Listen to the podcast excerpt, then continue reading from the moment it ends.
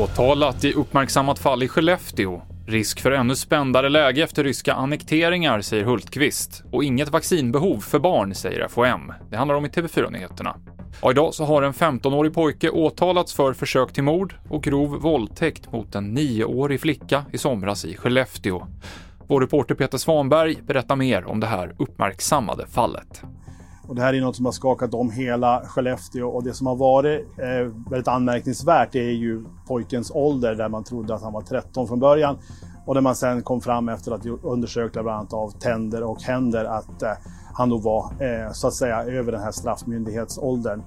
Och det åklagaren då eh, anvisar är ju här att det är ett synnerligen grovt våld och att han har utsatt den här flickan för ett väldigt, väldigt svårt lidande. Och att det egentligen då bara om man översätter det till svenska från fackspråket så är det faktiskt bara en ren tillfällighet att hon inte avlidit av sina skador. Idag så ska Vladimir Putin formellt skriva under ett beslut om att annektera de fyra regioner i Ukraina där det nyligen hölls skenomröstningar.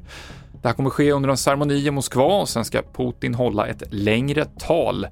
Och konsekvenserna av annekteringarna kan bli ett ännu mer spänt läge, säger avgående försvarsminister Peter Hultqvist. Risken med hela den här aktiviteten som de ska genomföra är ju då att man sen hävdar att det här är rysk mark och sen så sker kriget då på rysk mark och då använder man det för att trappa upp och eskalera de olika krigsaktiviteterna man bedriver så att vi kan gå mot en mer spänt läge och en hårdare, hårdare situation.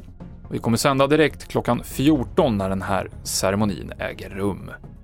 Och eftersom barn mellan 12 och 17 år sällan blir svårt sjuka i covid-19 så finns det inte längre någon anledning att de ska vaccinera sig, enligt Folkhälsomyndigheten.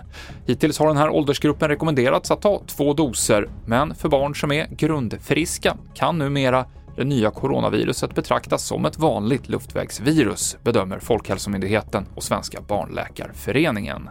Och det avslutar TV4-nyheterna.